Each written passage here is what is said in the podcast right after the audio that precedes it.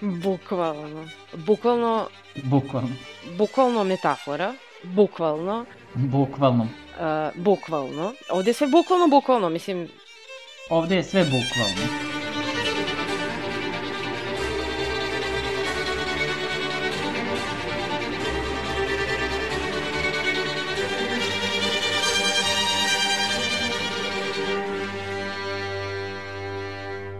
Uh, ćao svima, dobrodošli u još jednu epizodu emisije Bukvalno. Uh, sa nama su ovde pored mene Nataša, uh, Kristijan Ćao. i Mira. Ćao. I u današnjoj epizodi uh, obrađivat ćemo film After Sun uh, iz 2022. godine uh, koji je snimljen u režiji Charlotte Wells i koji je, ovaj, koliko sam ovaj, primetila, njen prvi film, znači njeno debitansko stvorenje, koje je poprilično bilo zapaženo na festivalima i mnogobrojnim, skoro svim ovaj, listama najboljih filmova iz 2022. godine.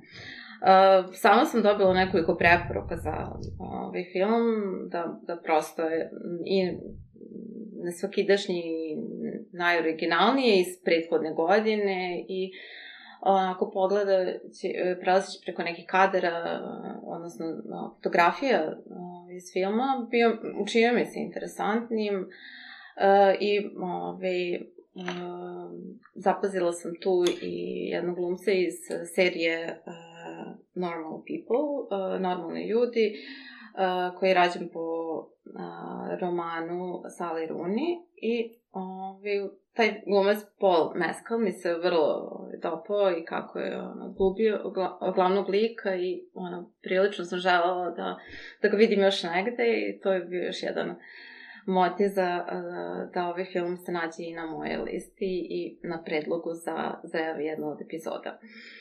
A, film je dobio i mnogo nagrada, znači za najbolju režiju, najbolji film, Paul Mescal je dobio i nominaciju za Oscara za glavnu mušku ulogu, tako da je onako i bio uh, u fokusu uh, raznih festivala i dosta se i pričalo o njemu.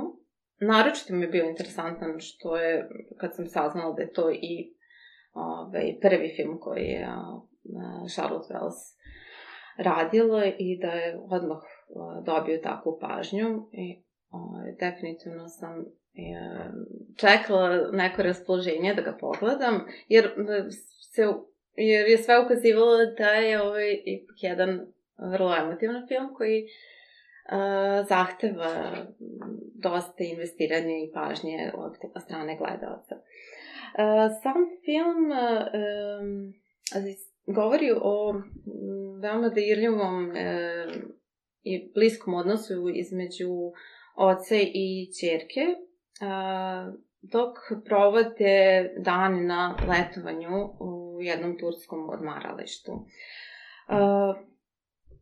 Počinje tako što, u stvari, počinje scenom koji, koji je snimak koji čerka pravi na samom letovanju i onako prikazuje njihov dolazak u u hotel i onako neke ono, na, ovaj, neki jednostavan ono, svakodnevan trenutak i tu već vidimo da u suštini u odrazu od TV-a vidimo da je tu odrasla čerka, sad, sad već nekih 20 godina kasnije, nakon tog letovanja, koja pregledava te snimke i pokušava da se seti kako je to letovanje izgledalo i kako ga je provela sa ocem i da se seti kako je tada izgledao, kako je, ono, kakav je bio i bukvalno ovaj, na, na taj način možemo da vidimo da se uh, samim time što ona pokušava da se seti kakav je to, kakav je on bio otac i kako je provodila vreme sa njim, to ukazuje da, da on možda više nije prisutan i da on nije tu bar kao na taj način, da, da bar nije ta ista osoba kakav je bio tada. I sam film je u suštini to, prikaz m, tog uh, odnosa između njih dvoje i koliko je on bitan m, za njih, odnosno koliko je bio bitan tada, na koji način je bitan sada kada je ona 20 godina uh, starija i ima neku drugačiju perspektivu na sve to. Uh, pa evo, možemo um, početi od, od utisaka i nekako, evo, um, meni se ovaj film um, znači, već možda sam mogla i da, da na, nakon jedno pola sata primetim da, da će mi leći i da mi i dopada mi se smirenost samog filma, uh, nekako ono, Uh, kroz malo reči i možeš da, da primetiš uh, kako, kakav je njihov odnos, koliko uh, vole jedno drugo, koliko im je stalo, da, da ono, provedu što lepše to letovanje, da su tu ove, jedno za drugo, naročito ove, odnos između uh, odnos oca prema čerki koji ove, ono, koji mi je bio, eto, predivan, kako se on, ono, kako je brinuo za nju, kako je, ono, želao da to letovanje bude što lepše i, uh, i, ono, zanimljivije za nju što moguće, da je tu što više sa njom i da provede što više vremena, jer, ono, očigledno je da, ove, da su, o, da, da I on više nije sa njegovom majkom, da su razvedeni i da on samo može tako da provodi sa njom neko, neke kratke uh, ove, periode vremena. Mm, I, ono, film sve vreme nosi jednu misteriju, uh, ono, kako vreme odmiče, mi možemo da primetimo da nešto sa sa ocem nije u redu, da, da pored svega toga što on želi da to letovanje bude što lepše i, i najbolje letovanje za nju koje je imala, mi tu vidimo da, da on postoji slutnja da to letovanje, da više možda neće moći da ponove takve trenutke, da, da njega nešto tišti, da, da ima neki teret na sebi. Primećujemo scene gde ovaj, ono, izgleda odsutno, zaneseno, zamišljeno, opterećeno i kako film odmiče, te scene su sve snažnije i upečetljivije. Tako da, m, taj deo mi isto bio i zanimljiv. Želela sam da saznam šta je to, šta će se to desiti, zašto će se to desiti i na koji način. Jer onako, taj osjećaj lebdeo sve vreme dok sam gledala taj film. Uh, prosto um, mogla sam da, ono, da osetim kako su se um, sami likovi u tom filmu osjećali, iako nisam doživela sama ništa tako slično. Uh, nekako mogla sam da, da osetim njihove emocije i koliko je njima sve to bilo bitno i kako su se osjećali. I mislim da je to jedan od velikih kvaliteta ovog filma.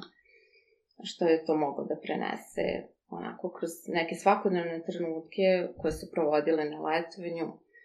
Mislim da se i kroz taj, takve trenutke svakodnevne mogu i najbolje i preneti neke emocije. Jer ono, ta, ta najbolje možeš da um, prepoznaš uh, i, i primetiš uh, kakav je odnos između dvoje ljudi. Um, tako da, eto, baš bi žela da čuvam kako ste ga i vi doživjeli. Lijepo, meni, meni je milo što imaš takav utisak, e, zato što stvarno sve je individualno. I vidjela sam da uglavnom ovaj film ima baš dosta pohvala i nagrada, ima i tu čuvenu nominaciju za Oscara za koju se i dalje pitam i dan danas i koju se pitati za uvijek za šta je taj čovjek nominovan. Jer ja ne znam za šta je on nominovan. Za dvije, tri rečenice. Za šta? Uh, pa za ne- random kadar njegovog gipsa, za random kadar gdje on Ne. sjedi, za random Da, ovo, na primjer, uh, meni se baš dopalo, on toliko malo govori, a toliko dobro prikazuje emocije. A, Znači, ja e, nisam meni je- to vidjela i osjetila. Nisam. Ja apsolutno podržavam i tu formu ekspresije sa malo riječi. Znači, ja nemam ništa protiv takvih videoa umjetnosti, ali ovo nije to. Za mene nije. Za mene ovo artsy, pretenciozno smeće, da ne upotrijebim težu riječ koja počinje na isto slovo. E, dijalozi su pretenciozni, ništa se skoro ne dešava sat vremena, ako ne i malo jače. Ne znam kakav je osjećaj biti šizofren, ali sam se osjećala kao da me napada nešto. Nije mi dobro bilo više. Baš nisam mogla da izdržim. I vjerujem da ne bih ni završila film da nije podcasta, iskreno.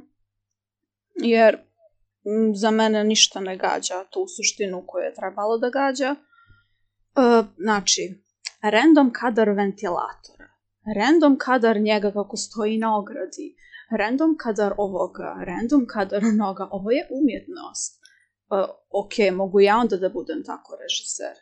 Da u film ubacim snimke kao, a isto tako kad vidiš da će da dio filma bude snimak sa videokamere, odmah znaš da je i to opet neki artsy artsy, nešto što ne valja.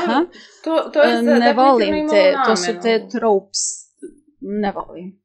Meni znači neki lik na Letterboxd, inače, koji često kaže I have a one-sided beef with Damien Chazelle.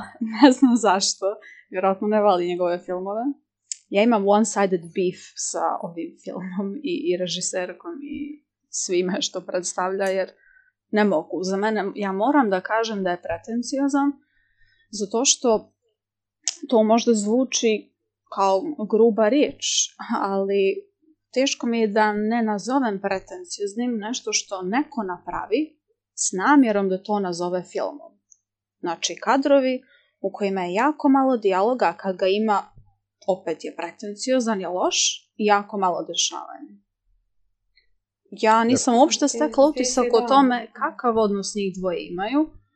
Ti kažeš, e, otac njoj mnogo znači u životu. Ja ne stičem nikakav utisak. Mi negdje tek na kraju filma saznajemo da on nema dovoljno novca. Tako neke stvari se samo randomly ubacuju. Sve nekako random. A moram da kažem jednu pozitivnu stvar, zaista. Uh, poslednjih deset minuta filma su mi se baš dopali. To je taj, ta paralela scene u klubu i sa onom sa žurke kad je Callum igrao uz onu pjesmu. Ajde, posjetite me. Under Pressure. Under pressure, da. Da, znači, eto, to je, to je jedino što mi se dopalo. Da, ne- Toliko od mene za prvu turu. Da, da, da. Dobro, okej, evo, sve- evo ja bi da, ja bi da se Dakle, ubacim ovde, pošto ovo mi je jako interesantno viđenje da neko vidi jedan od, da kažemo, najinteresantnijih i najemotivnijih filmova iz prošle godine, koji stvarno ne radi na standardan način prikaza odnosa oca i čerke i uh, njihovo zajedničko provođenje, provedeno vreme na moru. Uh, mislim da bi trebalo da pogledaš ponovo film. Zato što film prvo uređen je kao iz strukture samih sećanja. Jer ona i sama gleda te mini divi kasetice koje su bile popularne 90-ih i 2000-ih godina. Jer tada kogod je imao noce i išao negde na put sa svojim roditeljima, uspio je da uhvati sećanje. Tako da otud možda te to malo odbija, jer nije ravan narativ, jer se stalno nešto meša sa sadašnjošću. Nemam ništa se- protiv. Ja volim Nolana, ali nemam ništa protiv. Ja ne tražim linearnu strukturu naracije. Da, da, to su sećanja, mislim, baš kao što uh, Kristijan kaže, znači to uh, snimak ventilator ostaje u sećanju, znači taj ventilator, uh, njegova uh, leđa, se, priseće ga se i to onako uh, su samo fragmenti njenih sećanja. Evo, ako mogu još da se ubacim, evo daću vam jedan primjer. Išli ste nekada na more s vašim roditeljima, tako na, mislim, kogod, kod god je mogo da Živim na moru. Pa eto, ti imaš tu priliku da živiš na moru. Ali kad god ste išli negde sa roditeljima, tako, pravili ste zajedničke fotografije, ako ste imali fotoaparat, ili ako ste imali videokameru, snimali ste možda te segmente sa tih putovanja. I onda su vam ostajala ta sećanja. I onda kada prođe mnoge godine, i možda neko od tih roditelja više nije tu, ili vi samo želite da se podsjetite kako je to nekada izgledalo, lepo je imati tako nešto kao, da kažemo, Mm. neku dobru vrstu nostalgije. E, ovaj film to izaziva na jako jedan poetičan i emotivan način i pride jako dobro prikazuje te odnos između čerke i oca. Pošto su oboje donekle mladi, on ima 11 godina, on zalazi u 31. dok su na tom putovanju. I svako od njih tokom tog putovanja pokazuje neke svoje i lepe strane i loše stvari i kako se razvijaju isto kao ličnost. Ima dosta svetnih detalja koji možda mogu nekome da promaknu jer misle da je previše film statičan, a on to zapravo nije. Mm. Uh, film mnogo više doprinosi atmosferom, uh, time kako je, kako je namešten svaki prelaz iz scene u scenu, njihovi, njihovi ti kontakti koje imaju tokom putovanja. Ja nisam skoro gledao bolje određen film gde kad god bi gledali nekom klasičnom filmu ili coming of age storiju, uh, vi biste dobili samo dvoje likova kako pričaju. A ovde više kamera i montaža pričaju, plus taj neki osjećaj koji vam se pravi u glavi, jer svaki put kad treba nešto bitno da se desi, da se prikaže, mi ne vidimo njihove izraze lica, mi vidimo odraze. Recimo u staklu na stolu, ili ono kao što je Nataša spominjala kad su u sobi hotelskoj, kad ona njega snima, kad on zamoli isto da isključi kameru. Tako da kroz te razne neke sitne načine, koji su u stvari jako pametni za film Prvenac, tako da Charlotte Wells dobro je znala šta radi i imala je dobrog isto montažera sa sobom, Blaira McClendona i jako dobrog kameramena Gregory Oka koji isto ima par svojih filmova. I u suštini mislim da je to da prenese jednostavno taj osjećaj sećanja na nekoga kojeg je i sama izgubila, pošto je autobio, autobiografska priča u suštini. Ona je isto ostala bez oca i htjela je da se podsjeti kako to izgleda. I mislim da film to jako dobro radi, jer uh, kroz te neke njihove interakcije. Da li to da, zato što su otišli uh, jedne večeri na karaoke, pa Callum, koga gumi Paul Mescal, nije hteo da izađe sa Sophie koju gumi Frankie Corio na stage i da peva jer ga je bilo samota. To pokazuje da on ima neke svoje nesigurnosti. Ili tipa Frankie kada upozna onog dečaka, pa provede jednu čitavu noć van sobe, a on ode da je traži i pogubi se, pa se ona vraća nazad na kraju sobu i ona njega pokriva da se ne bi smrzao jer je bio potpuno nag i povredio se jer je verovatno otišao na onu plimu i plivao i svašta se tu izdešavalo. Znači, film dosta na jedan interesantan način prikazuje taj odnos gradi ga, a kulminacija naravno sam kraj. Uh, ja ne znam za vas, ali ja sam tri puta krenuo da plačem tokom ovog filma. A inače ne plačem većinski na filmove, jer redko kada se desi da film dovede do toga da se ja osjećam kao da mi neko stego srce. To se desilo možda deset puta u životu sa deset filmova i to je to. Ali ovde je to uređeno na jako jedan uh, jako pametan način i ne manipulativan, što je jako bitno. Jer uglavnom kad se prave emotivni filmovi, uh, režiseri koriste razne cake i recimo neke momente u na naraciji da nateraju publiku da budu ja, ali smo tužni sada, ja ovde stvarno treba da pustim suzu jer se desilo nešto nekome od likova, ali ovde se sve vreme to gradi, sve vreme je neizvesno i ako imate ono, i malo emocija oko sebe, ako ste empatični spram drugih ljudi i ljudi oko vas, možete da osjetite, da sve to što je ostalo nedorečeno i što nije prikazano, kako se gradi ka tom kraju. A kraj je, kraj je stvarno sve. I mislim da ovaj film jeste jedno malo čudo, jer za nekog ko je prvi put ovako uzeo nešto da uradi, pogotovo po svojoj ličnoj priči, autobiografskoj, mislim da je veliko dostignuće. Tako da, i mogu slobodno da kažem, to mi se jako dopao i preporučio bi ga svakome i volao bi da, da smo imali prilike da ga gledamo na velikom platnu, jer mislim da zaslužuje to, pogotovo što je i vizualno jako interesantno, jer se poigrava sa tom uh, mini DV kasetom i plus sa sećanjima kao samim tim, jer mi stalno gledamo, mi smo stalno na nekom putovanju. Ovaj ceo film je o putovanju i odnosu, znači, uh, čerke i oca i ne znam, sve vreme mi se vra- vratila ta neka nostalgija iz tih putovanja sa svojom porodicom kad smo išli nazad u danu na, ovaj, na more. I uh, čak me je nateralo da otvorim stare albume i da pogledam sve te slike. I onda kad sam pogledao te slike, nekako sam se osjećao kao da je to neka potpuno druga osoba, mislim, bila živjela taj život. I onda, ne, ne znam, uh, uspeo, je, uspeo je film da uradi nešto što mnogi drugi nisu, a to je da me emotivno probudi i da me dobro raspače par puta i mislim da je stvarno ovaj vredan gledanja i da je mnogo, mnogo bolji od većine drugih filmova koji se bave tim nekim emotivnim stanjima. Tako da Charlotte Wells, ako bude radila neki drugi film u budućnosti, ja ću prvi da se nacrtam u redu da kupim kartu i da gledam jedan film. Ja, pošto imam one-sided beef, vjerovatno hoću da vidim da li će beef da se produbi, ali ovaj, pa meni je mnogo drago da čujem i da je na tebe ovako djelovao ovaj film. Ja stvarno, ako mi se nešto ne dopada, ne mrzim ga do koske, nego mi je stvarno drago uvijek da čujem da ovakvi mediji djeluju na ljude na te načine. Na mene prosto nije djelovao, ne želim više da ga gledam, da bih vidjela da li će da mi se promijeni utisak, promijeniti se neće. A ono, jeste da smo emotivna bagra, ali ipak u ovoj epizodi nismo svi preemotivni. Mada i ovo moja je neka emocija. Pa jest, ali, da. ali mislim, mislim kad bi mu dala šansu još jednom i da ga ne gledaš iz te tačke gledišta samo što si videla neke statične kadrove i sve, jer uh, u smislu toga kako ti priča, priča mnogo interesantniji film nego bilo koji drugi dramski koji je možda izašao u poslednjih deseta godina. Jer to ti uglavnom se sve svodi na par glumaca koji se gledaju u jednom onako statičnom kadru, a ovde imaš mnogo stvari koje je ona uspela da uredi sa tom svojom ekipom, plus ovako malom, malim budžetom i malim brojem ljudi koji su radili na ovom filmu i da napravi nešto jako specifično. Um, dajmo šansu kroz jedno, recimo, šest meseci do godinu dana pusti nek se slegnu ti utici, pa prokuše ponovo. I uzmi, uzmi u obzir bilo koji moment kad si išla tako sa svojim roditeljima, braćom, sestrama, nije ni bitno, gde ste išli na more, i uh, vidjet, ćeš, vidjet ćeš neke druge detalje. Jer na prvu loptu lako može da prođe ispod radara dosta tih nekih stvari narativnih koje ne iskoristila, gde nam ne daje direktno pojašnjenja i objašnjenja. Ne mora to da radi. Zato je taj kraj na kraju tako i efektivan, jer se sve to nakupi i onda se seče ko nož i onda si u stilu, pa jo bože, šta smo ovo pogledali.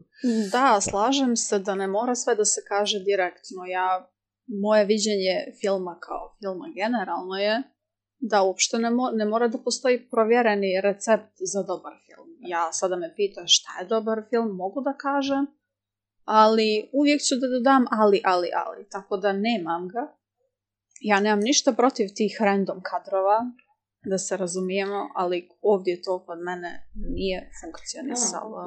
Da, da mislim, to... možda da sam primetila, um, povezala sa, sa na, možda način Pa dajte koji... ljudi, razumijem ja o čemu je riječ u filmu, nisam da nemam rezona. Znači, da, da. razumijem, ali mislim... kod mene nije uspjelo to sve što je bila poenta.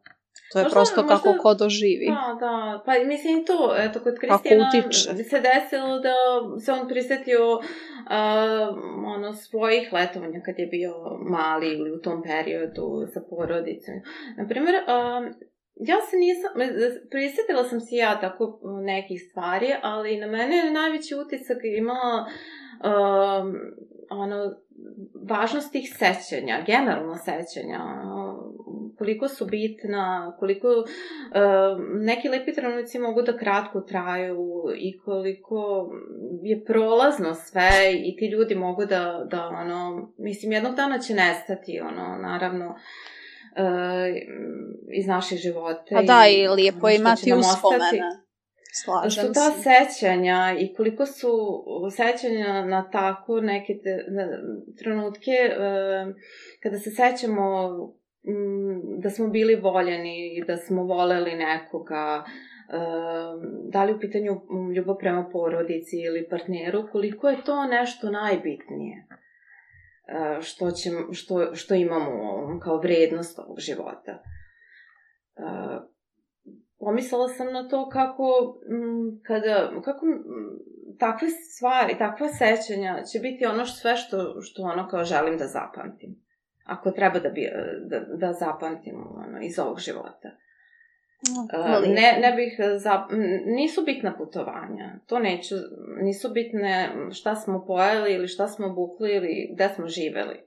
ono, bukvalno to da smo voleli, bili voljeni i da je, da je to, baš to, voleli smo i bili smo voljeni. Znači, ovaj život tako vidim za sada kao, kao prolazan, ali uh, znači taj moment tih emocija koji će ostati u tom nekom trenutku, znači dok ovaj život traje ili pred smrt, ono, ono koje je dovoljno da, da eto i to gori, sagori i da ovaj život vreda.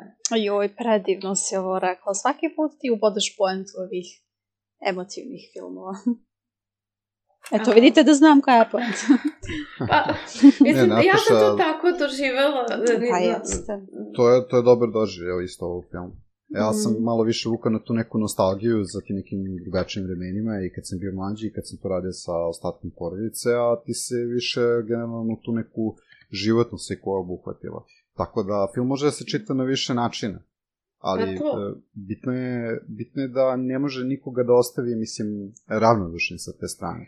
Jer uh, ni jednom momentu, kao što sam naglasio, uh, Velsova ne pokušava da nekoga tu podriva da bude tugaljiv ali ona lepo nekako postepeno uvodi sve te emocije. Ima i radost, ima radosnih scena, to mi je recimo bilo sjajno. Te su mi bile najdraže, kad su recimo u onom kupatilu, uh, gde je navodno bila Kleopatra, što se kupala u onom blatu za podmađivanje, mhm. -huh. pa mi je to bilo nekako lepo, ona primeti da se on povredio pre par večeri, znači postoje, postoje ti određeni momenti gde tačno pokazuju da oni brinu jedno sa drugog, Jeste, iako ne to. razumeju, iako ne razumeju š, kroz šta ko prolazi, mm -hmm. jer realno on je isto mlad, on je isto jako mlad, ona počinje da se budi, osjeća da će postati u nekom momentu žena, a on se brine za tu neku budućnost jer ne zna da će imati dovoljno para i novca da je obezbedi taj neki lep život, a i sam je uh, u svojoj nekoj ličnoj borbi.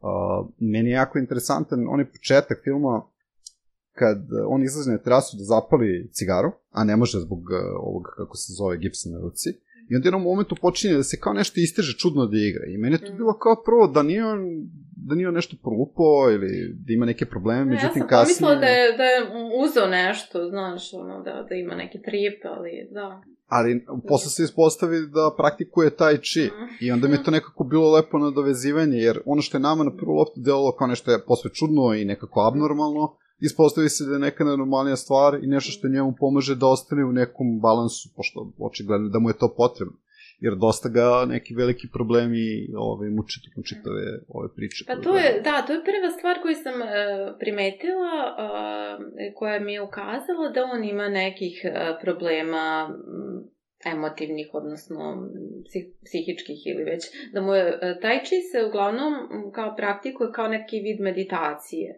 I zašto se bavi sa taj čijem i na odmoru još i tako. Znači da, mu je, da se bori sa nekim psihičkim problemima, da mu je onako očigledno to potrebno bitno da se time bavi, da mu ga to smiruje i opušta i vraća u ravnotežu, balans. Ali ove, onako vremenom sam razmišljala kako, kako bih primećivala te neke scene gde je ono samo tučan ili zamišljen ili opterećen, nerv. Mislim, ukazalo na neku, počelo da ukazuje na neku depresiju i uh, nisam znala sad uh, u kojoj meri i kako je film odmicao on, i ona scena gde on i leži na krevetu i plače i to ove, mi onda, da, i, i ukazala da je, da, da je u pitanju najvjerojatnije depresija i da, ove, da on ima, da se on nosi sa tako nečim i da I koliko se pored svega on, znači, pored toga što je jasno da on ima neki teret um, nekog psihičkog poremeća i um, verovatno i prosto osjeća da, da nije ono ovaj, ispunio um, svoj život, odnosno da, da nije ovaj, da mu život e, nije onakav kakav je želeo da bude ili kakav bi trebao da bude i da možda ne, nije onakav otac kakav bi um, možda um, treba da bude što se tiče sta, novčane stabilnosti ili nekog uspeha, ali koliko se on pored svega toga trudio da, da bude tu za nju, da ono preokrene svoje, svoje stanje i da, da ga potisne, da bude za nju tu. Tu je ono, tu, tu, tu mi je najveći ono, odraz njegove ljubavi bio prema njoj, uh, ta borba njegova uh, sa svojim sa, sa nekom bolešću koju Pa sa ima. samim sobom, mislim. Sa samim krajeva, sobom, da.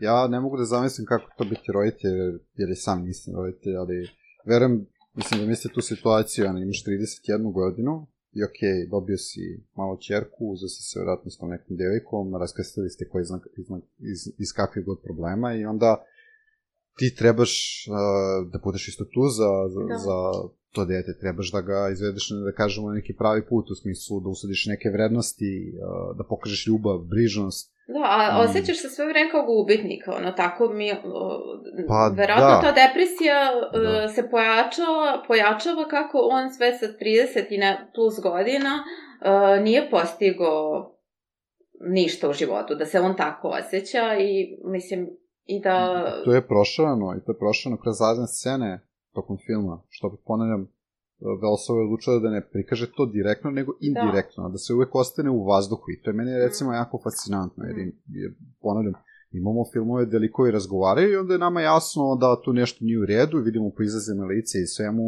da će to otići nekuda. A ovde imamo momente da i sama kamera nekako prebegne sa glavnih aktera i skrene negde pogled na druge stvari, što je po meni genijalno, to me podsjetilo recimo na Succession. Succession serija isto ima tako interesantnu kameru koja često skrene pogled ili je nesigurna da treba da se fokusira na nekog lika i čini seriju još više zanimljivom. Tako da i ovde neki e, e, sličan efekt postignut jer kao, ok, dešava se nešto, ne vidimo im izraz lica, vidimo odraze recimo, ono, kao što sam spomenuo kad su napolju i piju one sokove i e, blizu onog biderskog stola su, osjeća se u nekom njegovom, recimo, e, meskalovom držanju, da ima neka težina i da njih dvoje ne mogu baš o svemu da razgovaraju i da, da se otvore i da se razumeju.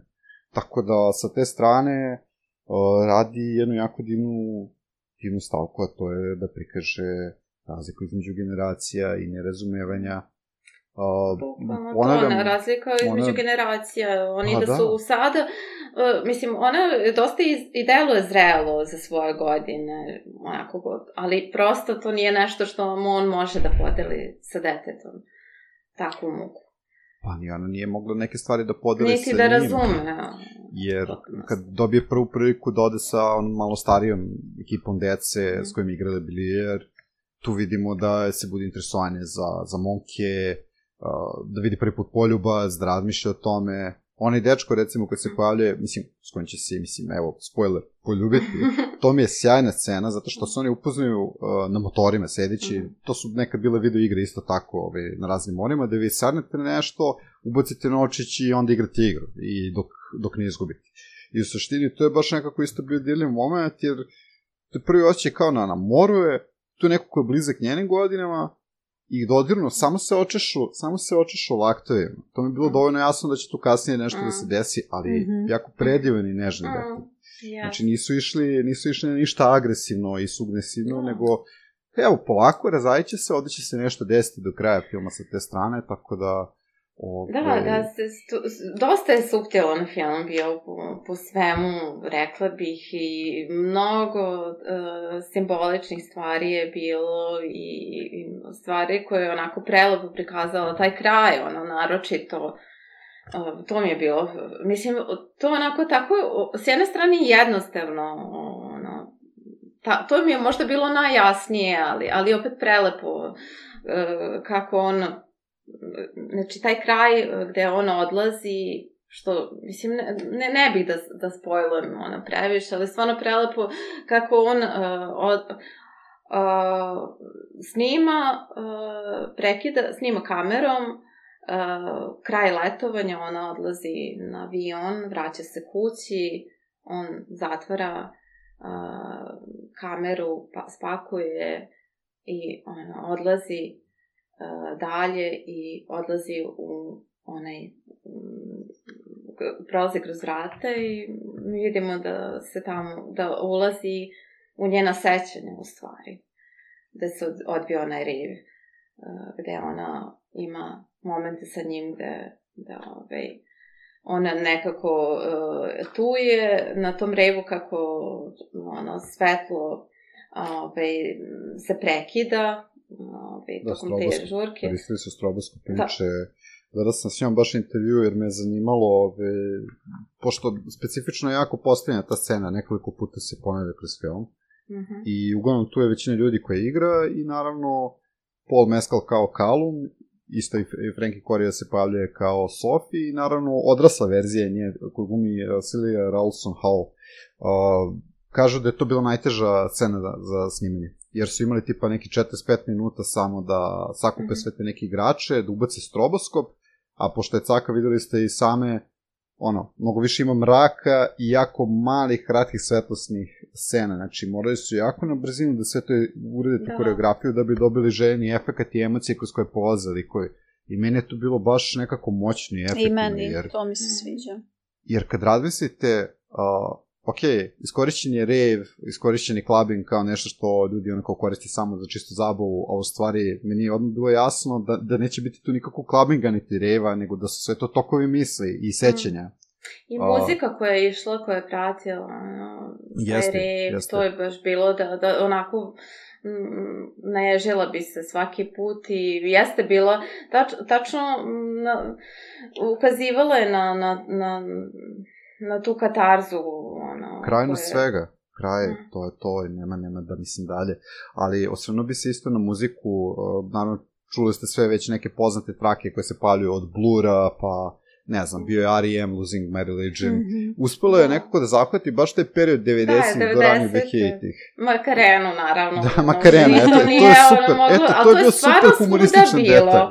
To Jeste, svuda jeste. bilo, mislim, znači, ja se sećam, mi smo Makarenu čak, eh, sećam se, u školi je, smo imali kao, e, neki, profesor fizičkog je ono kao, ili, otprilike, angažovao neku plesačicu da nas uči Makarenu. To je bila takva pomama za time, pa smo imali čas da smo svi učili pravilno Makarenu do kraja, ono. Makarena u školama. Da. znači, to, to je bilo, ne znam, mislim, e, a to je tako, mislim, glupo i zabavno bilo da, da ono, da. ne, nemam, nemam prema Makreni, u suštini imam ono pozitivno ja sećanje. I baš me vratilo, u, mislim, cel, taj soundtrack me vratio u 90.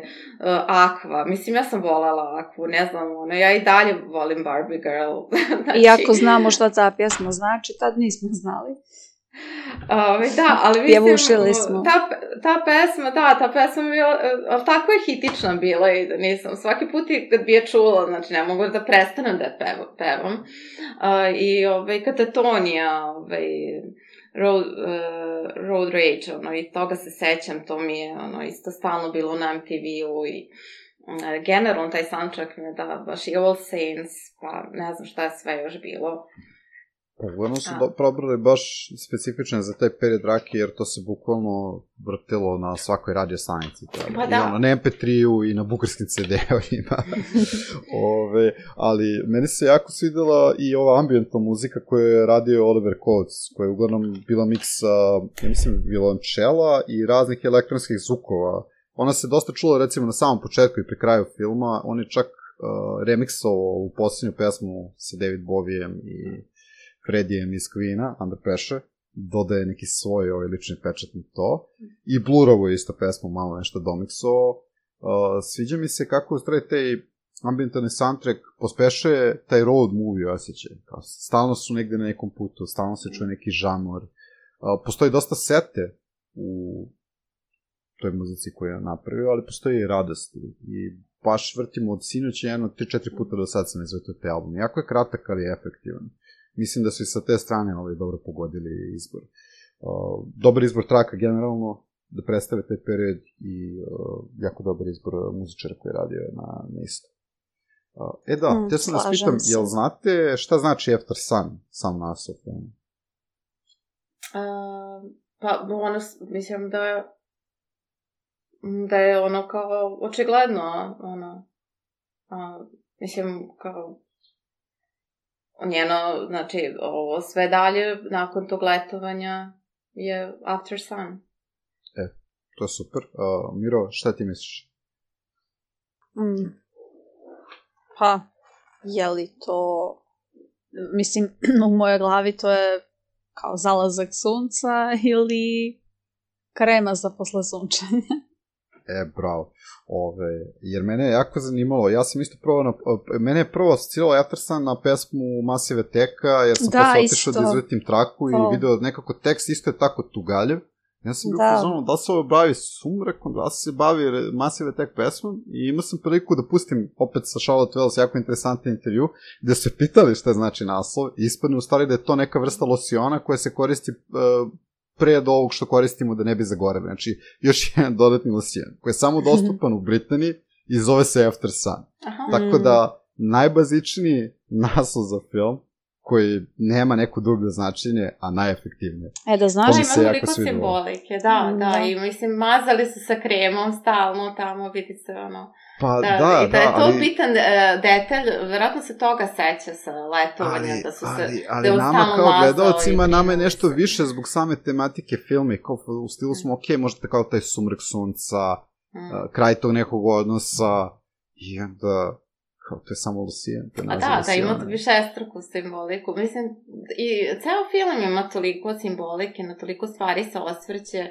Osvrće se na prolaznost, na, na roditeljstvo, činstvo, na, na važno sećanja, uh, na, ono, na, na, na život sa, kao, i meni se dopada to što, što se usvrnio na, na, na teskobu i, uh, i života sa, sa mentalnom bolešću. Znači, mi ne znamo tačno šta je u pitanju, ali mi vidimo da on ima nekih problema i, i, i prosto uh, o tome se ono kao dovoljno ne, ne priča i, i nikome nije verovatno uh, lako uh, da to prikaže na takav način da, da, da prosto mi vidimo da se on uh, bori sa sobom, da se bori sa svim svojim demonima, da, da pokušava da, da bude dobar otac za nju, da bude dobar, raspoložen tu za nju i, i da je voli i da to nema veze to što on tužan sa time da li on nju voli ili ne, uh, to što ga muči, da, da, da je to nešto sasvim drugačije i drugo i da, da bi on bio tu za nju uvek, ono, da može.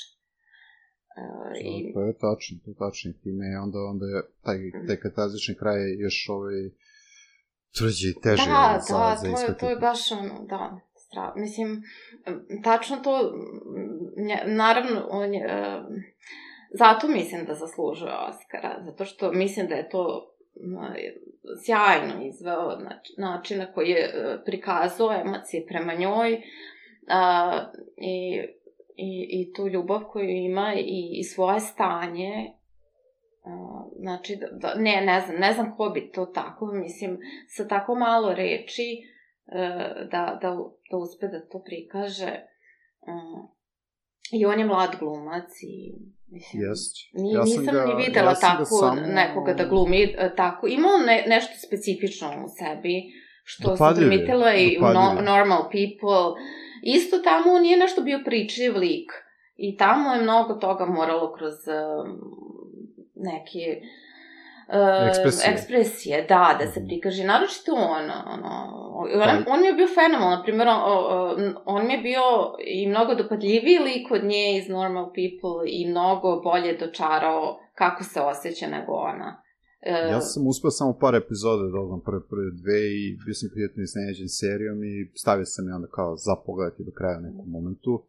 Uh, on se baš istakao tu i Mm. stvarno sam onda razmišljao kakav će biti u ovom filmu. Jer su stvarno sa svih strana došle ono kao pohvale da je jako dobro prikazao samog lika oca, te neke njegove nedoumice, nesigurnosti i mislim da je Mescal na da, i ništa, putanji. pre, e, ništa ne preglumljuje. Ne, tako, pa nema šta. Nema on, a, a to, mislim, to tako je nekako jednostavno glumi, uh, a predobro.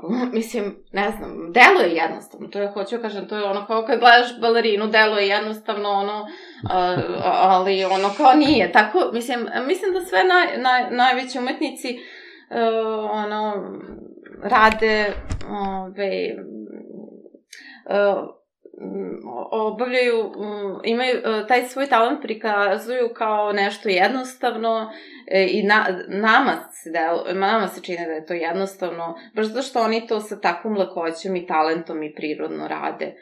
Da, ovaj, Da, Eto. to kad kažeš tako mm, to suptilno pokazivanje emocija, e, ja se najčešće sjetim uh, lika Travisa iz Paris, Texas, koji ne govori skoro ništa, a pokazuje sve.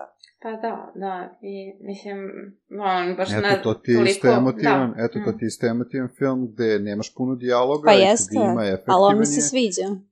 Ali, ali vidiš, Miro, i to je film koji je baš onako art house film, u smislu mm. ima prelepe boje, onog neona, onih pustinja kroz, kroz koje on prolazi, tako da ima on neki dodajnih tačka i s After Sunom, znaš. Ali, jasno, uh, jasno, ali je kod mene postigao željeni efekt. Dobro, ali daj, daj mu šansu kroz šest meseci godina, da. Razmisli ponovo, daj mu šansu. Znaš kako kažu, ponekad na prvu optu ne legne svaki film, što je normalno. Ove, ali mislim da, da definitivno After Sun može da se dopadne na drugo gledanje i posle neki tako otkrovenje. Jer ja sam siguran da će se sigurno pojaviti isto ljudi reći će, hej, ovde se ama ništa nije desilo tokom da. sat i po vremena. I to mogu donekad da razumem, ali ako nisi fokusiran, a većinu vremena ljudi nisu fokusirani kad gledaju nešto, jer ne znam, gledaju telefon ili lupaju pauzu na svaki 15 minuta da uzmu kokice ili da, da nešto ždrahne da gledaju film.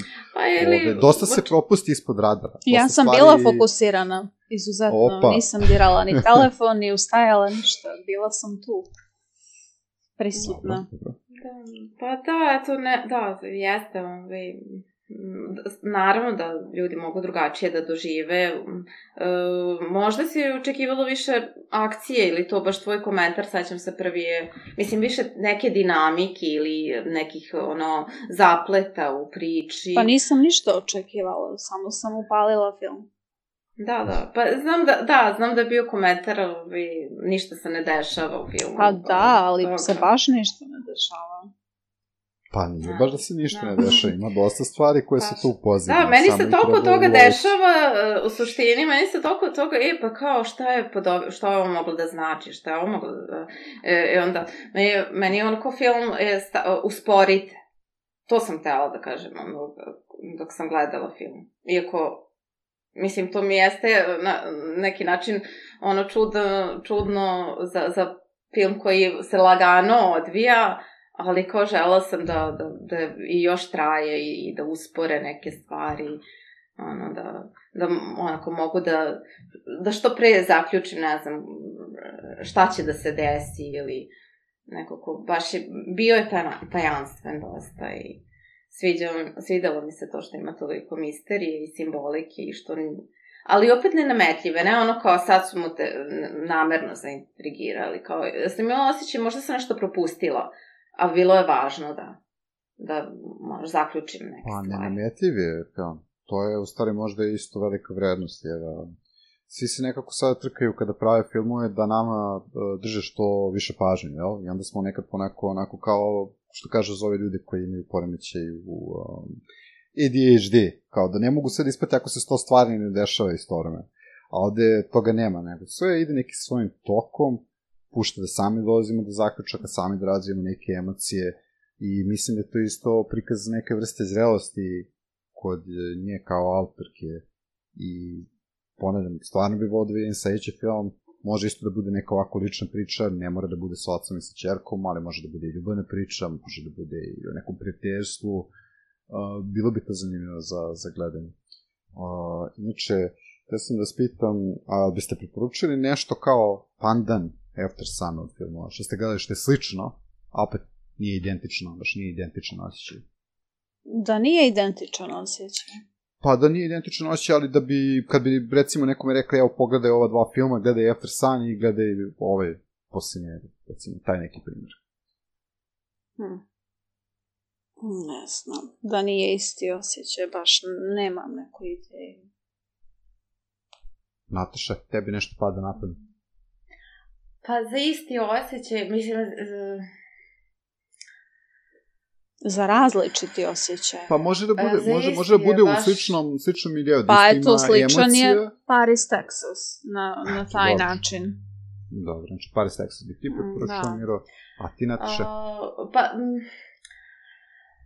recimo da, da sam se možda m, prisetila m, baš e, kako se e, film sporo odvijao i kako e, su postali neki kadrovi koji možda kao, ne znam zašto su važni, ali očigledno su važni bili, ne bi bilo priča o tome i ne bi se u stvari prikazivali. A, tako, podsjetila sam se Twin Peaksa, naravno, ono, Hmm, da. osjećanja koje imam dok gledam tu seriju. Ove, da, znam da je nešto važno, zašto ovo gledam, ali kao e, zašto je i ono, taj osjećaj, neki ima, postoji osjećaj misterije, ono, koji ima ovaj film, e, pogotovo kad se je fokus na neke jednostavne stvari, mm, ovaj, koje ono, moraju da imaju neku simboliku, mislim moraju, oče, e, de, e, ovaj film je promišljeno urađen mm, i ono, definitivno postoji razlog zašto gledamo neke svakodnevne stvari ili no, ovaj, neke kadrove koje, kadrovi, na primjer, e, zmajeva na nebu.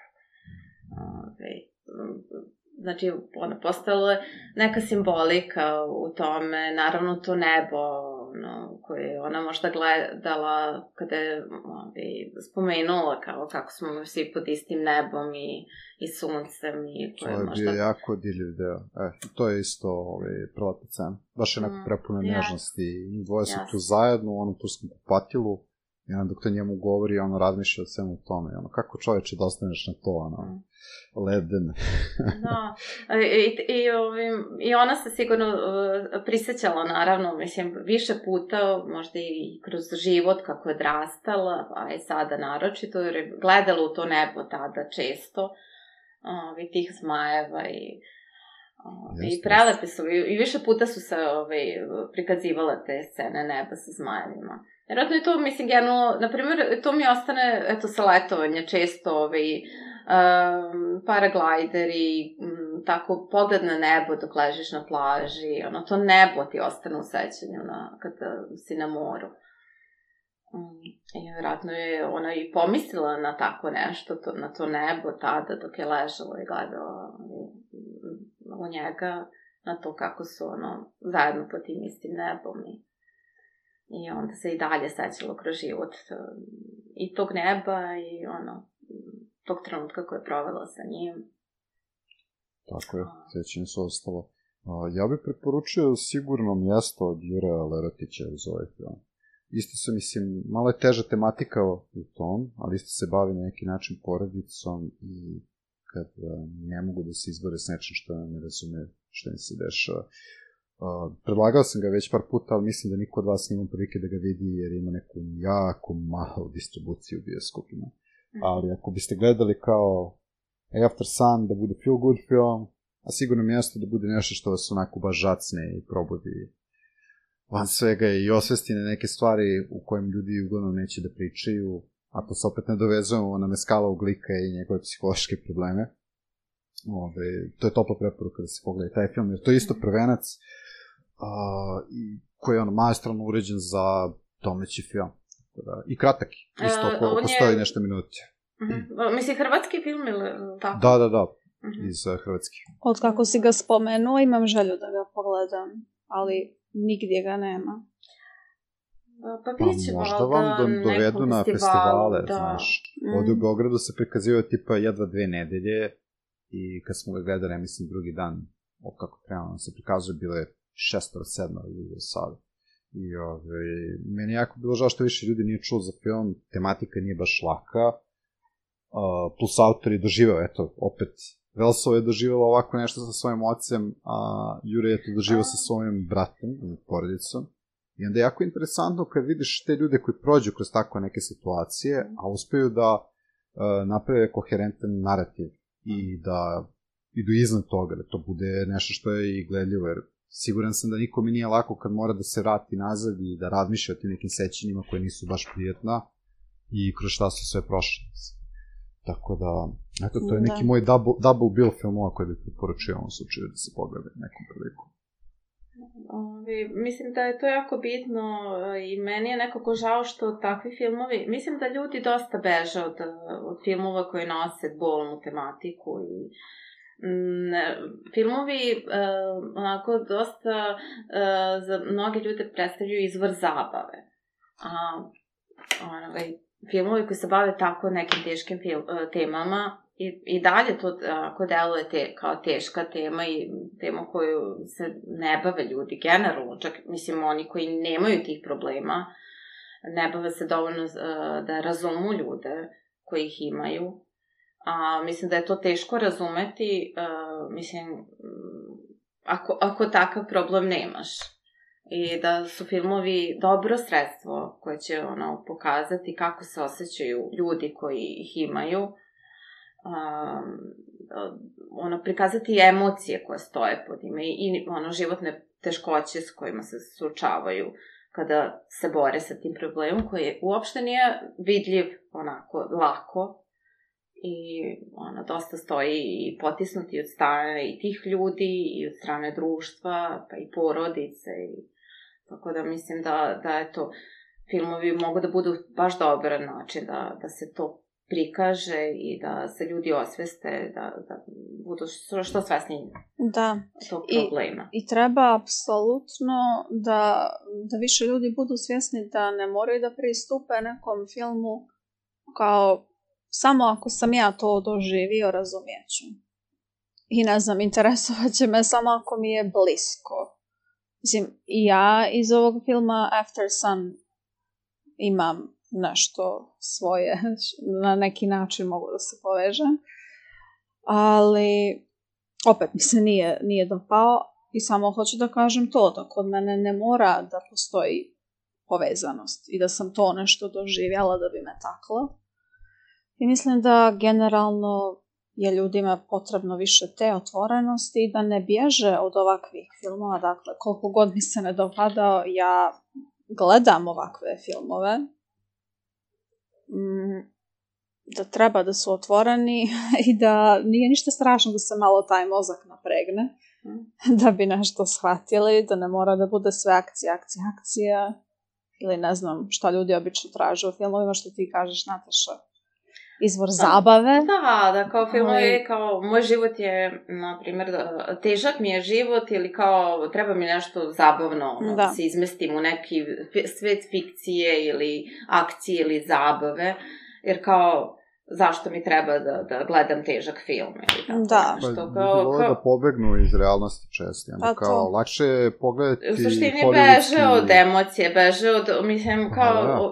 U, suštini, mislim, osjetiti emocije, pa, mislim, osjetiti nešto je, ono, vrednost samo po sebi, Jeste. ono, I ono, da li su, mislim, osjetiti nešto normalno, m, e, da li su u pitanju neke emocije radosti ili tuge i čisto to bude pomešano, ono, i, u- i mislim, ono, kao nije, nije, nije uopšte uh, ovi, strašno ni, ni doživjeti tako nešto i nije, ne znam, nije uopšte ni uh, negativno, ono, kod doživjeti osjećaj tuge zbog nečega, mislim, samo to osjećanje ovaj, ti omogućava da se možda i suočiš sa nekim svojim ono, osjećanjima Pa da.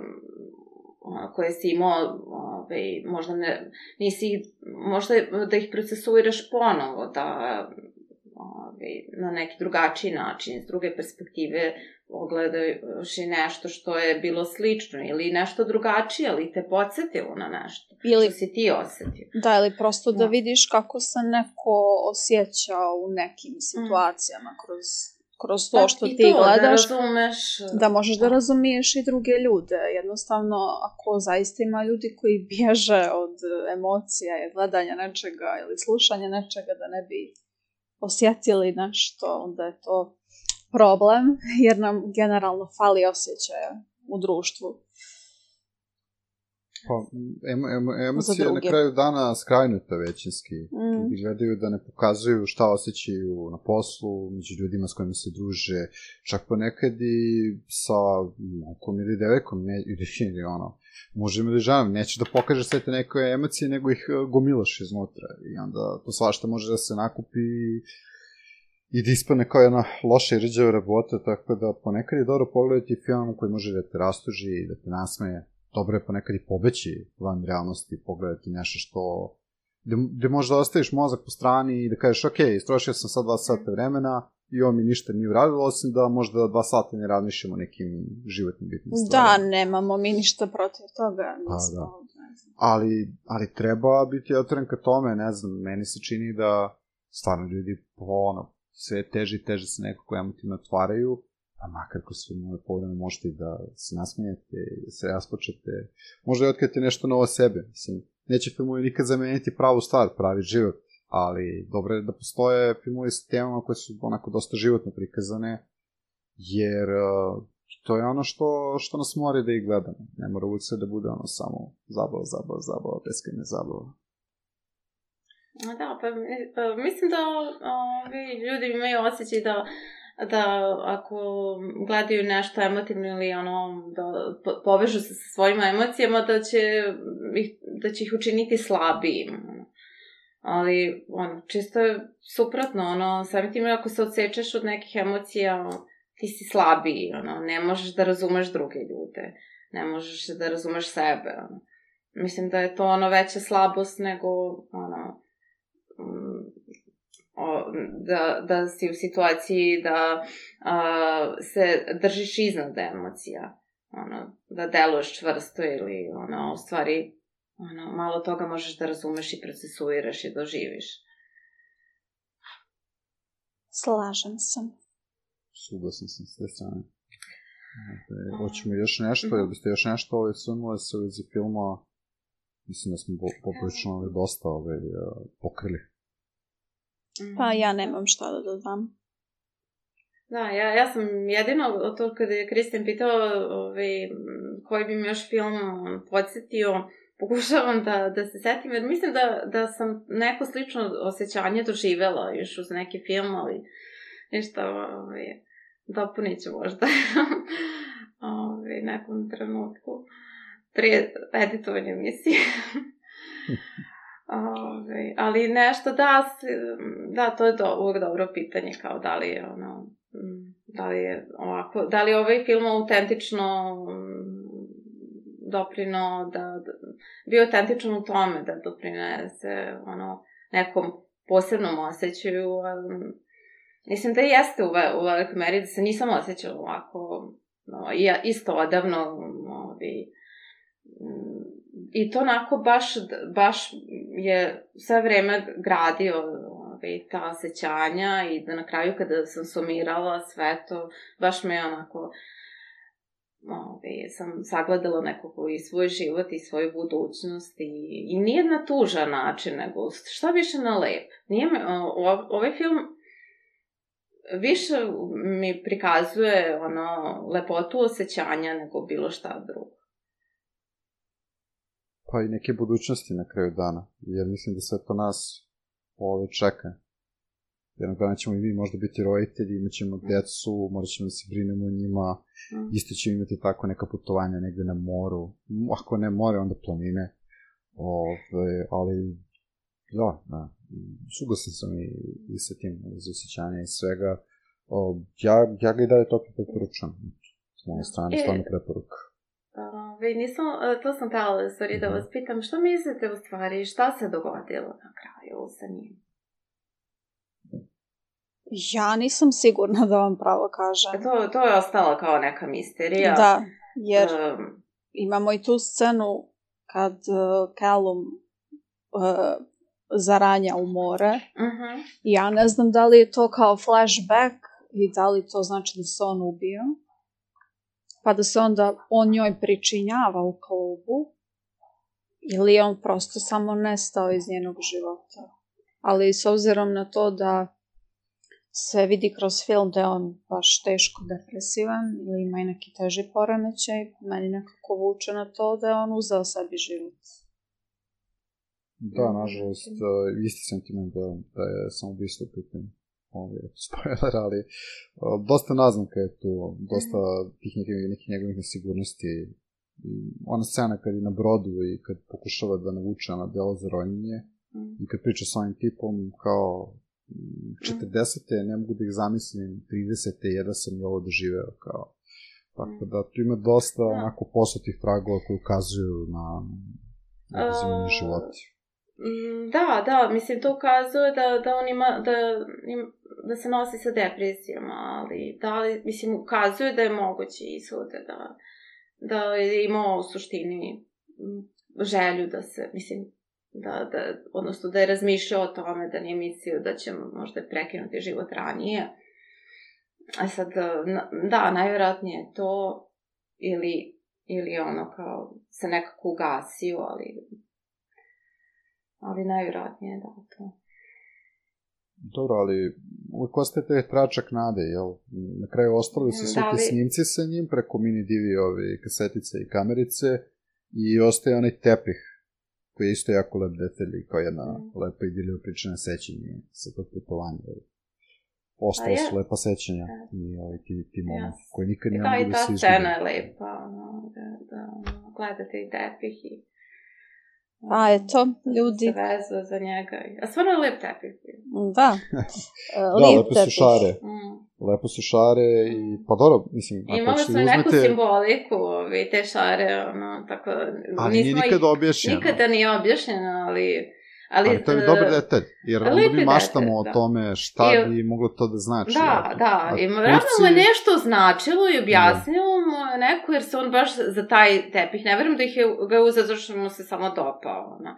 Pa Nego verovatno je, je priča bila dovoljno, dovoljno dobra i da ostavi neku traga za budućnost Da. kao čerku, da, da uvek može da ga se seća, Da, seća je- po nečemu. da, da, i, i to je, i to je žalao, da, očigledno, mislim, ono, kao, ove, razmišljao o nekom poklonu koji, koji e, će se ona sećati njega i tog letovanja. I...